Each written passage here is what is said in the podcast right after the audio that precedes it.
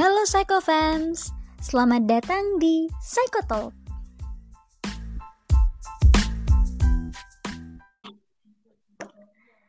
Hai Psychofans, this is your host Cici and welcome back to Psychotalk. Kali ini kita kedatangan guest star yang sangat istimewa. Beliau adalah seorang psikolog sekaligus dosen di Universitas Islam Negeri Maulana Malik Ibrahim Malang. Selamat pagi Bu Novi. Halo, selamat pagi Cici dan teman-teman semuanya. Uh, Bu Novi baik? Baik-baik. Cici gimana kabarnya? Alhamdulillah baik. Alhamdulillah. Oke. Okay. Ditemani Ibu Novi, kita akan mengobrol seputar toxic relationship. Tapi sebelum masuk ke pembahasan yang lebih dalam nih Psychofans, uh, kita terlebih dahulu akan mendengarkan definisi toxic relationship dari Ibu Novi. Menurut Ibu Novi, toxic relationship itu simpelnya apa sih Bu? Oke, toxic relationship itu artinya memang kalau di arti ya, itu memang hubungan yang sakit kayak gitu, hubungan yang tidak sehat. Seperti itu. Tapi sebetulnya toxic relationship itu diambil itu muncul kayak gitu itu dari dokter Lilian Glass kayak gitu ya. Dari memang communication and psychology expert di mana uh, dinyatakan bahwa toxic relationship itu ada ketika kita berada dalam sebuah hubungan hubungan apa pun ya, entah pertemanan, entah pernikahan, entah keluarga, entah hubungan apa pun, hubungan pacaran yang kayak gitu. Nah, di mana hubungan itu konsisten membuat tidak nyaman, lebih banyak atau lebih sering merasa kita diliputi perasaan negatif, kemudian sedih, kemudian kesal lebih dominan dibandingkan rasa senangnya. Ketika kita dalam hubungan itu. Dan ketika kita berada di hubungan yang cukup menguras energi kita, kayak gitu. Makanya disebut hubungan yang beracun atau toxic relationship, kayak gitu ya. Karena memang kalau dalam jangka panjang itu berdampak buruk bagi kesehatan fisik maupun mental seseorang individu itu, kayak gitu. Oh, jadi enggak terbatas nggak terbatas di hubungan antar lawan jenis, Gibu banyak ada banyak lingkup dan cakupannya juga hmm. luas nih. Banyak nah, banyak kekasih, teman, friendzone, keluarga kayak gitu. Oke, okay.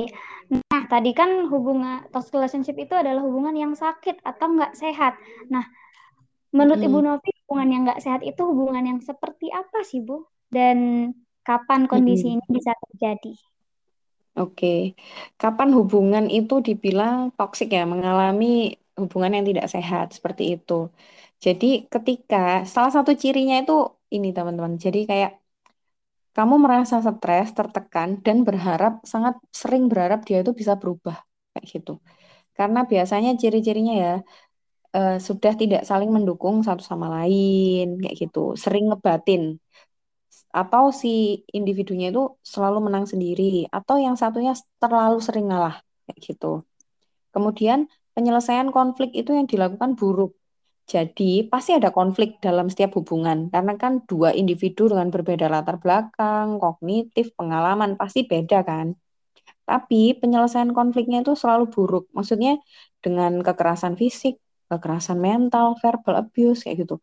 Terlalu posesif, terlalu overprotective, atau silent treatment. Jadi nggak dikomunikasikan tapi malah diem. Kayak gitu.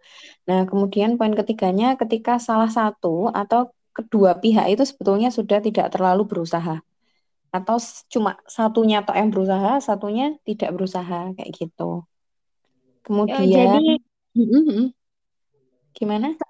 Tidak seimbang gitu hubungannya. Ada salah satu pihak yang lebih dominan dari yang lain.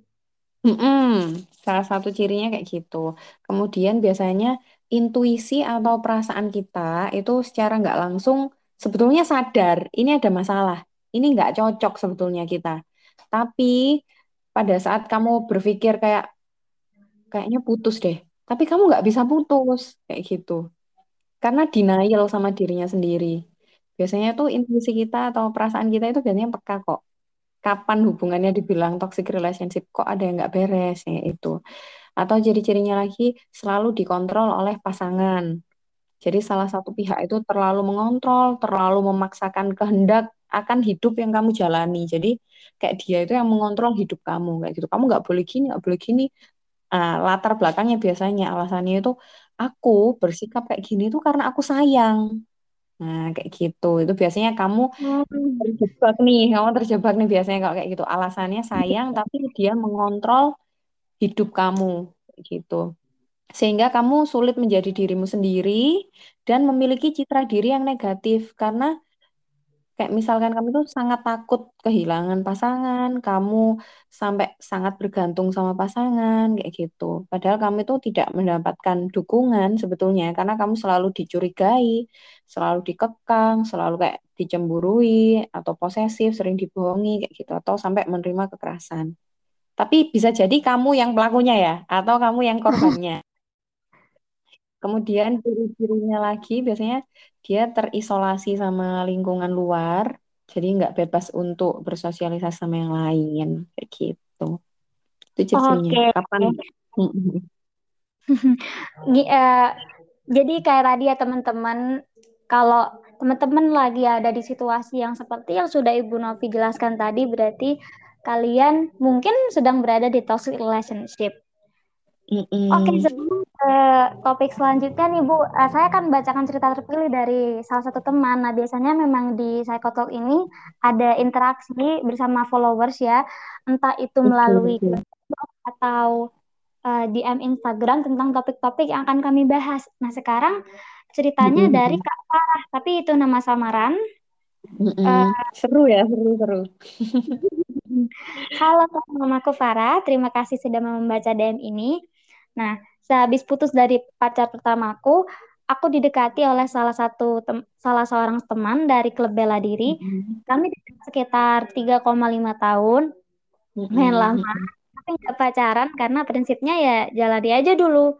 Sebulan wow. dua Sikapnya baik dan manis.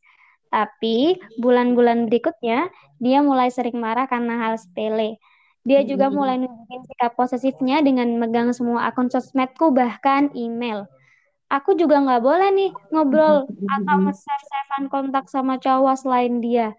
Sebelum kenal dia, aku memang mengidap gangguan psikis yang bikin aku self-harm setiap kali tertekan.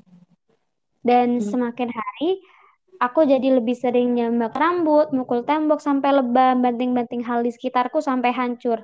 Aku bahkan hmm melakukan percobaan bunuh diri tapi nggak berhasil. Dia juga makin lama hmm. makin overprotective. Aku dilarang pakai pasmina ke mana-mana. Ke mana-mana pakai harus ke mana-mana harus pakai gamis. Juga nggak boleh pakai hmm. lipstick. Dia juga beberapa kali mutusin aku secara sepihak, tapi beberapa hari hmm. kemudian lagi seolah nggak ada apa-apa.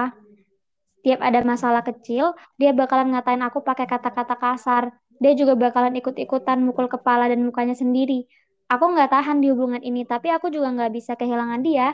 Aku anak broken home dan udah nganggep dia kayak rumah. Wah, mm. okay, uh, lumayan, okay. lumayan dalam gitu ceritanya. Anak uh. broken home pula. Mm.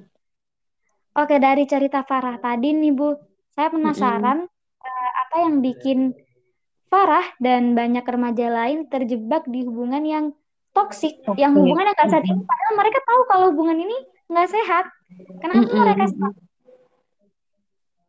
oke okay. Cici untuk pemaparan cerita dari Farah saya ikut bersimpati ya Farah kayak gitu untuk kamu sini peluk peluk virtual untuk Farah kamu sudah hebat ya. Maksudnya selama ini sudah tiga setengah tahun kamu masih masih bisa bertahan di kondisi itu. Tapi biasanya kayak gini, coba kamu rasakan deh perasaan kamu itu kan biasanya nggak bohong ya. Bahwa kalau memang merasa ini hubungannya nggak sehat, sebetulnya yang perlu dilakukan ya memang diakhiri. Tapi kita bahas dulu nih, apa sih penyebab toxic relationship kayak gitu ya? Kenapa sih orang-orang itu memilih bertahan di situ kayak gitu? Sebetulnya ada faktor internal sama eksternal, teman-teman.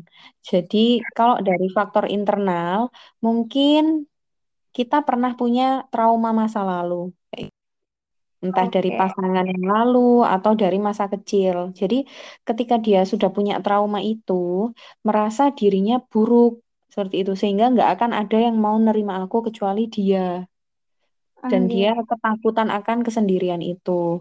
Kalau dari cerita Farah tadi, dia kan dari keluarga yang broken home, dia merasa citra dirinya itu buruk seperti itu. Oh, Tapi, mm-mm, tapi dia takut juga sendiri. Dia ngerasa yang paling bisa nerima dirinya itu hanya si pasangannya itu sehingga, mm-mm, sehingga dia merasa dirinya itu kurang berharga seperti itu. Kemudian yang kedua, selain tadi faktor pertamanya internal ya, trauma, biasanya itu kurang afeksi dari lingkungan terdekat, dari orang tua khususnya ya. Ada mungkin, tapi kehadirannya nggak ada. Padahal maksudnya yang kita butuhkan itu bukan hanya materi ya kalau dari orang tua, tapi juga Mm-mm. afeksi kayak gitu. Ditanya kabar mungkin yang seperti itu. Kurang afeksi dari orang-orang yang terdekat seperti itu. Kemudian individu ini akhirnya insecure, merasa bahwa dirinya itu nggak layak untuk dicintai dan sangat takut untuk ditinggalkan. Atau kalau untuk pelaku biasanya ada ego dari pengalaman masa lalunya itu untuk orang lain. Gitu. Jadi dia ingin menguasai orang lain sehingga si pasangan ini mencoba untuk mengatur hidup si Farah ini. Gitu. Kemudian ada namanya itu celingi, kayak terlalu bergantung. Jadi Terlalu bergantung. Hmm, Jadi si korban ini merasa kayak tidak ingin untuk kehilangan pasangan karena dia sangat menggantungkan hidupnya pada orang itu. Kayak gitu. Kenapa ada orang yang bertahan di hubungan toksik itu tadi penyebab-penyebabnya ya, gitu. Nah, kenapa sih bertahan kayak gitu? Karena ada perasaan insecure yang sudah dibentuk tadi. Karena self esteemnya rendah dari pengalaman-pengalaman masa lalu atau kesulitan masa lalu yang sudah tertumpuk kayak gitu, merasa dirinya tidak worthy atau enggak berharga seperti itu ya, sehingga dia takut untuk kesepian, sehingga dia menggantung hidupnya itu kepada pasangan yang sebetulnya itu toksik. Kemudian konsep cinta yang keliru itu loh, Dek. Jadi dari keluarga itu mungkin kadang kayak merasa dipukul itu nggak apa-apa. Karena orang tua aku KDRT jadi mukul itu nggak apa-apa. Kalau aku dipukul nggak apa-apa. Aku diselingkuhi nggak masalah. Yang penting kamu sama aku. Nah, yang kayak gitu. Jadi konsep cinta yang keliru di situ. Kemudian Konsep cinta yang keliru gitu. Oh, Jadi, keliru. Jadi biasanya kalau cinta yang betul kan saling support satu sama lain. Mungkin ada konflik tapi dikomunikasikan. Tapi kalau di sini ada satu yang dominan dan satu yang sangat-sangat kayak diatur, ditekan yang seperti itu. Kemudian kalau oh, mm-mm, gitu.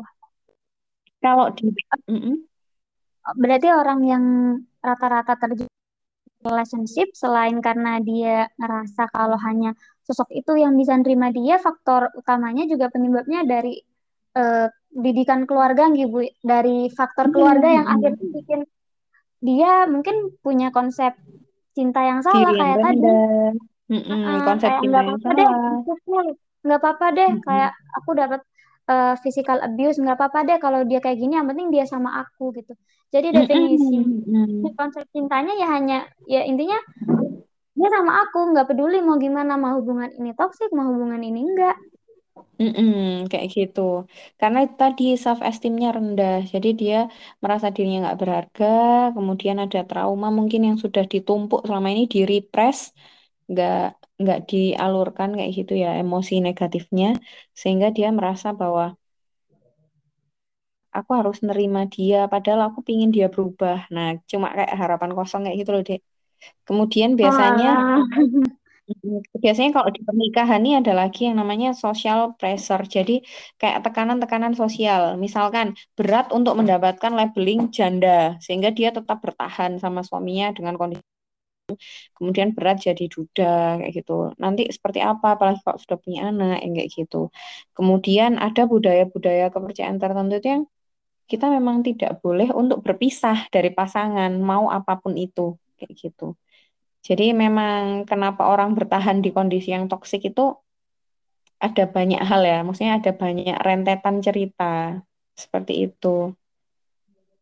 oh Dan jadi kadang, mm-mm, dan eh, kadang itu dirinya sendiri kayak belum menyadari gitu loh, bahwa sebetulnya dia ini lagi ada di kondisi yang hubungannya nggak sehat kayak gitu. uh, saya sering nih Bu dengerin cerita dari teman Mm-mm. bahkan mungkin dalam satu kasus kayak diperas gitu atau physical abuse. Nah, saya tanya kenapa sih kamu masih bertahan udah tahu hubungannya nggak sehat? Alasannya Mm-mm. ya karena aku sayang. Iya, ya itu konsep sayang yang keliru, teman-teman. Uh, jadi selain sayang, ternyata tekan sosial untuk uh, orang-orang yang kayak misalkan udah punya udah Mm-mm. nikah gitu juga pengaruhnya ini ya Bu, tekanan Sangat sosial kuat. Sangat kuat. Mm-mm. Iya, padahal jadi dia itu akhirnya merasa dirinya sudah nggak ada artinya lagi itu loh. Dia dia sudah gimana ya? Dia merasa dirinya sudah nggak berharga dan dia menumpukan semua hidupnya itu untuk pasangannya itu tadi. Jadi mengintim si satunya merasa punya power sehingga butuh untuk mengintimidasi sampai membuat orang ini nggak bisa hidup tanpa aku. Yang satunya karena apa ya afeksi dari keluarga kurang, trauma yang ia alami kayak gitu sehingga dia merasa celingi atau terlalu bergantung sama si pasangan mau di apa pun juga yang kayak gitu. Oke. Nah, tadi dari tadi kan udah bahas nih ya Bu eh, tentang toxic relationship, tentang eh, tanda-tanda kita berada di toxic relationship, apa saja penyebabnya. Nah, saya ingin bahas dari segi tapi kalau ini dek, tapi kalau misalkan yang di Farah tadi ya kasusnya Farah itu gitu, saya juga turut turut sedih ya sama Farah.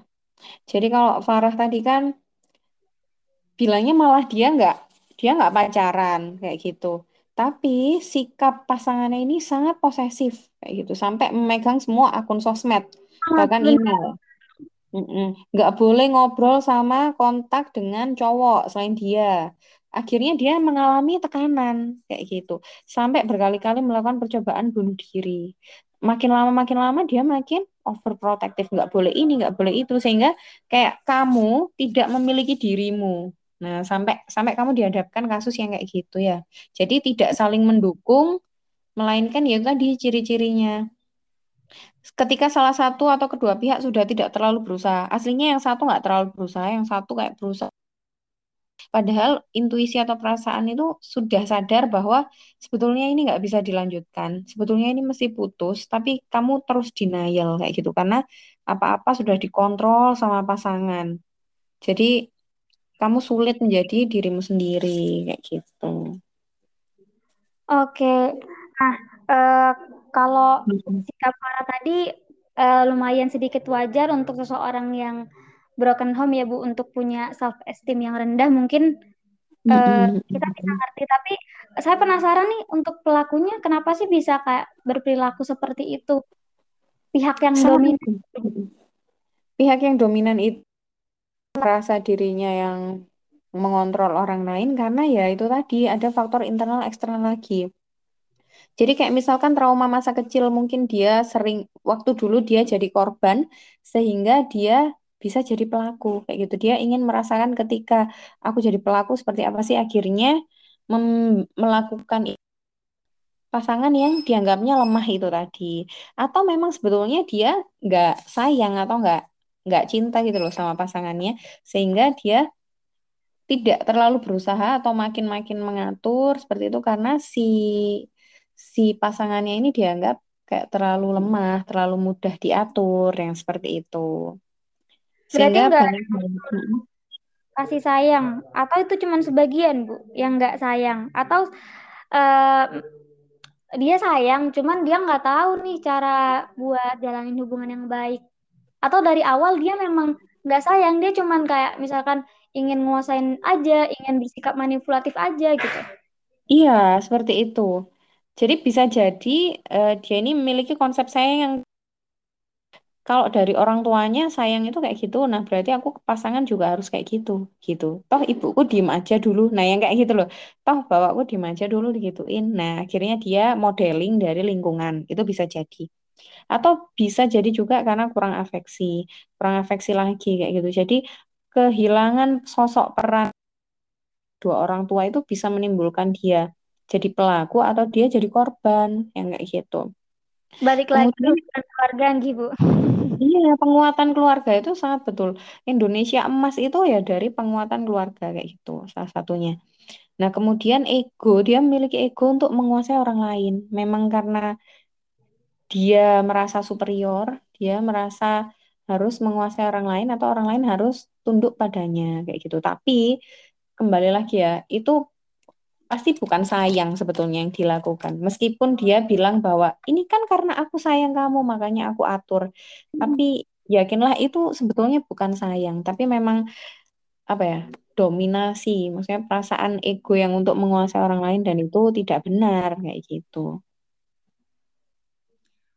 Oke, kalau Mm-mm. dalam asmara kan udah banyak ya Bu tadi, udah banyak tahu, udah banyak bahas. Nah, eh, Mm-mm.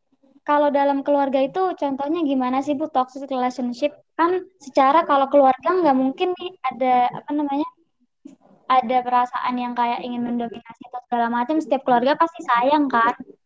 Ya. Mm-mm. terus. Ini keluarga yang kayak gimana? Keluarga yang pasangan suami istri atau keluarga kayak gimana, Dek? Eh, orang tua dan anak gimana Bu? Apa Oh, orang orang tua tadi. antara orang tua dan anak? Biasanya orang tua itu punya ego ingin menguasai anaknya, misalkan memaksakan kehendaknya dengan orang lain, eh dengan anaknya. Jadi maksudnya karena aku pingin belajar agama dan aku dulu belum belajar agama dengan baik, sehingga anakku harus jadi tahfidz Quran, sehingga anakku nggak boleh kuliah di yang bukan yang bukan apa ya, Peran. yang eh, yang yang yang mengizinkan laki-laki dan perempuan bertemu kayak gitu di di sekolah umum. Jadi harus benar-benar pondok yang ketat yang kayak gitu. Padahal itu adalah ambisinya dulu yang eh, seakan-akan itu menjadi tanggung jawab anaknya. Nah, yang kayak gitu teman-teman.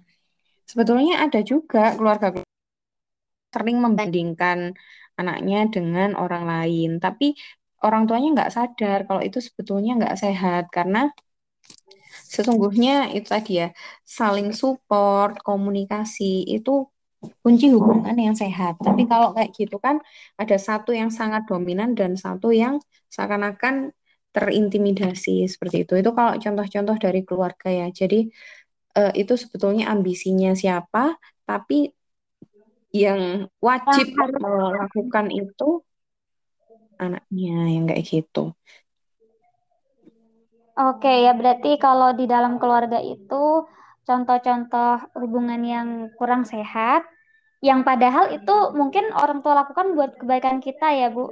Karena mungkin kayak memaksakan kehendak atau mem- memaksa anak untuk mencapai hal-hal yang belum eh, orang tuanya capai atau sekedar banding-bandingkan yang katanya kayak ya buat motivasi lah biar kamu kayak dia gitu. Itu loh anak eh, anak tetangga ranking satu, kamu mana peringkat lima? Iya, atau ada lagi yang kayak kamu tahu nggak ceritanya Aming? Mohon maaf ya, aku nyebut art, salah satu artis itu, itu dia Oh, malah mendapatkan seksual abuse dari orang terdekatnya, keluarganya, kayak gitu. Sampai akhirnya dia mengalami kondisi yang mental sampai sekarang, oh, gitu. gini. Ya, Berarti itu memang gitu. eh, hal-hal yang te- hal-hal yang hal-hal mental apa namanya gangguan mental yang terjadi sekarang be- sebagian besar itu terjadi karena awalnya dari lingkup keluarga gitu. Oke, kayak gitu deh. Oke, saya mau nanya hal-hal yang agak personal nih Bu tentang asmara. Eh, kalau boleh tahu Ibu Novi sendiri kapan sih pertama kali jatuh cinta? Gimana gimana sih? Kalau boleh tahu Ibu Novi sendiri kapan sih pertama kali jatuh cinta? Pas Eh, kapan? ya? Pas apa ya? Mungkin pas SMA kali ya. itu Pas masih remaja. tentang monyetnya Bu. Pas remaja. Eh, Ibu waktu seumuran kami, seumuran Ivi ini, pernah nggak sih ada di toxic Mm-mm. relationship? Atau selama ini pernah nggak ada di toxic relationship? Mm-mm. Kalau misalkan dari hubungan pacaran kayak gitu, karena saya tidak melakukan, sehingga saya uh, tidak tidak memiliki pengalaman terkait circle seperti itu ya toksik di hubungan pernikahan juga enggak. Karena selama ini komunikasi baik kooperatif yang kayak gitu saling terbuka satu sama lain support. Tapi kalau mungkin pertemanan kali ya. Dalam pertemanan saya pernah mengalami uh, toxic relationship di pertemanan kayak gitu. Jadi bukan di percintaannya. Oke, contohnya bagaimana Bu di pertemanan? Jadi misalkan ketika kamu melihat temanmu itu lebih unggul dari kamu kayak gitu, itu bukan support yang didapatkan melainkan kayak uh, di kamu tahu nggak sih kayak dirasani dari belakang. Atau mereka main persepsinya sendiri bahwa uh, dia itu kok kayak gini sih dia itu kok kayak gini. Nah kayak gitu loh. Jadi toksiknya di pertemanan bukan di pasangan kalau saya. Jadi uh, sampai saat itu saya menyalahkan diri saya sendiri. Kenapa ya saya sampai ada di posisi itu? Maksudnya kenapa sampai padahal saya merasa saya nggak melakukan apa pun loh bahkan. Tapi ketika saya kayak misalkan ngejar tes TOEFL atau apa itu kayak semuanya salah aja di matanya mereka. Jadi karena mencintai itu tanpa syarat ya kadang. Jadi kita membenci pun kadang tanpa sesuatu hal apa pun itu ya tiba-tiba benci aja kayak gitu kayaknya. Nah, kalau ibu tadi kan di toxic relationship di pertemanan. Yang ibu lakuin waktu itu apa? Apakah ibu uh, berusaha memperbaiki temannya atau malah keluar dari situ itu? Nah, kayak gini, yang biasanya orang terjebak dalam toxic relationship adalah karena dia merasa dirinya rendah, sehingga dia butuh orang itu. Tapi kamu merasa dirimu itu berharga, percayalah dirimu itu berharga, kamu punya impian-impian yang siapa yang bertanggung jawab akan impianmu? Dirimu sendiri. Sehingga kamu fokus akan tujuan itu dan kamu kamu keluar dari toxic relationship itu, kamu keluar dari hubungan yang nggak sehat itu. Itu menyehatkan mental. Sehingga yang saya lakukan, saya yakin bahwa setelah saya mengevaluasi, melakukan refleksi, saya nggak ada masalah. Maksudnya mereka marah-marah sendiri, mereka iri-iri sendiri dengan persepsinya yang kayak gitu. Sehingga ya saya keluar dari relationship itu. Saya memutuskan untuk keluar kayak gitu dan saya menemukan teman-teman yang suportif ternyata ketika saya ber untuk keluar dan berani menunjukkan bahwa diri saya berharga dan ketika saya tidak ada kalian itu malah lebih apa ya lebih positif kayak gitu oke nah keluar hmm. gitu berarti kalau kita ada di circle yang menurut kita udah nggak baik ada di hubungan baik itu pertemanan atau asmara yang nggak baik kan you better run keluar aja lari gitu dari hubungan itu oke okay.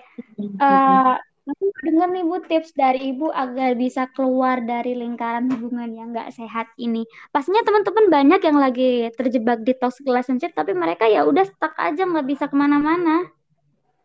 Oke, jadi yang pasti, jadi yang pasti ya ketika uh, kamu mau memutuskan apakah ini harus dilanjutkan ataukah harus diakhiri kayak gitu hubungannya ini, kamu harus benar-benar tahu dan kamu kenali pasangannya kamu kenali pasangan kamu kayak gitu. Jadi kamu analisis hubungan kamu selama ini sama orang itu seperti apa kayak gitu. Karena hati itu nggak bisa bohong teman-teman. Hati itu nggak bisa bohong. Ketika kamu ketemu sama orang yang mereka ternyata tulus, mereka ternyata nggak tulus, itu sebetulnya kamu selalu kerasa kok. Sehingga kamu perlu harus benar-benar tahu dan mengenali pasangan kamu itu. Kayak gitu. Okay. Kamu coba analisis dulu Selanjutnya setelah kamu tahu dan kamu kenali pasangan kamu kayak gitu, kamu harus tanya juga pada dirimu, kamu bisa nggak, kamu mau nggak bertahan dalam kondisi toksik ini? Misalkan dalam jangka waktu cukup lama. Jadi kamu kan berharap nih dia berubah seperti itu. Apakah seminggu, sebulan, dua bulan, atau setahun kayak gitu. Tapi berubah dalam waktu 5 sampai 10 tahun, kira-kira kamu siap nggak kayak gitu terus? Kayak gitu ya. Oke. Kemudian, mm -mm, jadi selain kamu harus benar-benar tahu, kamu harus coba bersikap tegas. Teguhkan hati, teguhkan perasaan, karena perasaan itu perlu divalidasi. Ini beneran nggak? Kayak gitu. Kalau nyaman, ya kamu bilang dengan tegas, oh aku nggak nyaman. Kalau memang ketika kamu berusaha berkomunikasi dan dia tetap tidak berubah ya sudah berarti memang kamu harus bersikap tegas teguhkan perasaan bahwa memang harus diakhiri harus lepas pada pertemanan yang seperti ini harus lepas pada hubungan yang seperti ini kayak gitu. Karena ingat ya bahwa pada dasarnya jadi dalam hubunganmu itu tanggung jawab kamu sebetulnya. Karena kamu punya ekspektasi dan kamu andil dalam situ dalam hubungan itu sehingga eh, yang kamu dapatkan adalah sebetulnya itu pilihanmu sendiri karena kamu tetap berusaha untuk terus berada pada kondisi itu kayak gitu. Nah yang terakhir jika memang kamu nggak bisa kayak gitu ya, kamu harus seeking for a help kayak professional help, keluarga mungkin kayak gitu. Dan kamu butuh waktu untuk taking time dan jauh dari orang-orang yang membuat toxic itu. Itu nggak apa-apa. Jadi kamu jauhkan dulu dan kamu seeking for help sama teman-teman yang benar tulus, keluarga, professional health kayak gitu. Karena kadang ketika kamu pacaran kayak gitu ya, itu meskipun keluarga ngomong apa, temen ngomong apa, kamu itu tetap aja kekeh sama rasionalisasi sendiri kayak gitu. Berarti Padahal itu toksik. berarti intinya eh, pertama komunikasi dulu Eh, ya, Mm-mm. yang kedua itu harus tegas ngibu sama diri sendiri, jangan ngikutin perasaan terus. Nah, Sebetulnya perasaan sudah ber kamu sudah ngerasa nggak nyaman, tapi kamu terus-teruskan karena Gimana? nggak kamu validasi, karena nggak kamu analisis kayak gitu pertemanannya ini atau hubungannya ini kayak gitu. Oke, terima kasih banyak Ibu Novi untuk dari tadi untuk sharing-sharingnya. Ini udah udah lebih 30 menit nih udah ngobrol-ngobrol banyak sekali tentang toxic relationship, tanda-tandanya, gimana ketika terjebak di toxic relationship. Bahkan juga Mm-mm. udah bahas tips-tipsnya udah dikupas dengan tuntas. Nah, sebelum eh, saya tutup, Ibu Novi Mm-mm. ada pesan atau closing statement untuk teman-teman, baik yang Oke. sedang, baik yang lagi berada di toxic relationship atau hanya sekedar menjalani hubungan. Ada nggak sih dari Ibu pesan untuk teman-teman? Oke, jadi sebetulnya yang eh, kamu harus tahu kayak gitu ya. Sebenarnya seberapa layak sih hubungan yang sedang kamu jalani untuk dipertahankan. Jadi seberapa layak sih entah teman, pekerjaan, kayak gitu. Seberapa layak pasangan kamu sekarang untuk diperjuangkan, gitu. Coba, coba kamu tanyakan pada diri kamu sendiri, apakah selama ini kamu bertahan karena memang betul-betul nyaman sama pasangan, atau karena pasangan itu membuat hidup kamu lebih berharga, lebih bahagia, kayak gitu. Diri kamu menjadi lebih berkembang, lebih produktif, atau malah sebaliknya, kayak gitu. Karena biasanya kalau kamu terjebak dalam hubungan yang toksik itu, kamu akan sering gitu merasa gelisah, capek, insecure, tergantung, negatif, ngebatin terus, makan nggak enak, tidur nggak nyaman, kayak gitu ya. Jadi kamu tersiksa, seolah-olah karena kamu nggak memiliki batasan atau privacy, kayak gitu karena saking bucinnya kamu takut ditinggal. Sehingga kamu perlu menanyakan eh, apakah hubungan yang sedang kamu jalani ini layak untuk dipertahankan atau enggak kayak gitu. Ketika kamu selalu berharap bahwa pasangan kamu itu berubah dan kamu bisa bertahan karena kamu berharap dia berubah kayak gitu. Nah, kamu harus ingat sampai kapan kamu mau menunggu dia akan berubah. Ini wajar atau enggak? Ini hubungan yang harus di- diakhiri atau tidak? Kamu harus keluar dari circle ini atau tidak? Karena patternnya akan begitu terus. Dia minta maaf, balik lagi, nanti dia minta maaf lagi, balik lagi, ya kayak gitu terus, kayak gitu. Sehingga itu akan semakin sulit di kamu, kayak gitu. Sehingga kamu harus sering-sering melakukan refleksi. Coba fokus sama belajar mencintai diri sendiri. Anggaplah bahwa kamu itu berharga. Pasti kamu itu berharga. You are worthy ya love yourself gitu temukan passion kamu fokus sama impian kamu tidak menggantungkan diri pada siapa pun kecuali Tuhan kamu kamu mandiri kamu hebat kayak gitu. Kamu nggak usah takut. Dan kamu kalau perlu keluar dari lingkaran itu beranilah tegaslah kamu keluar.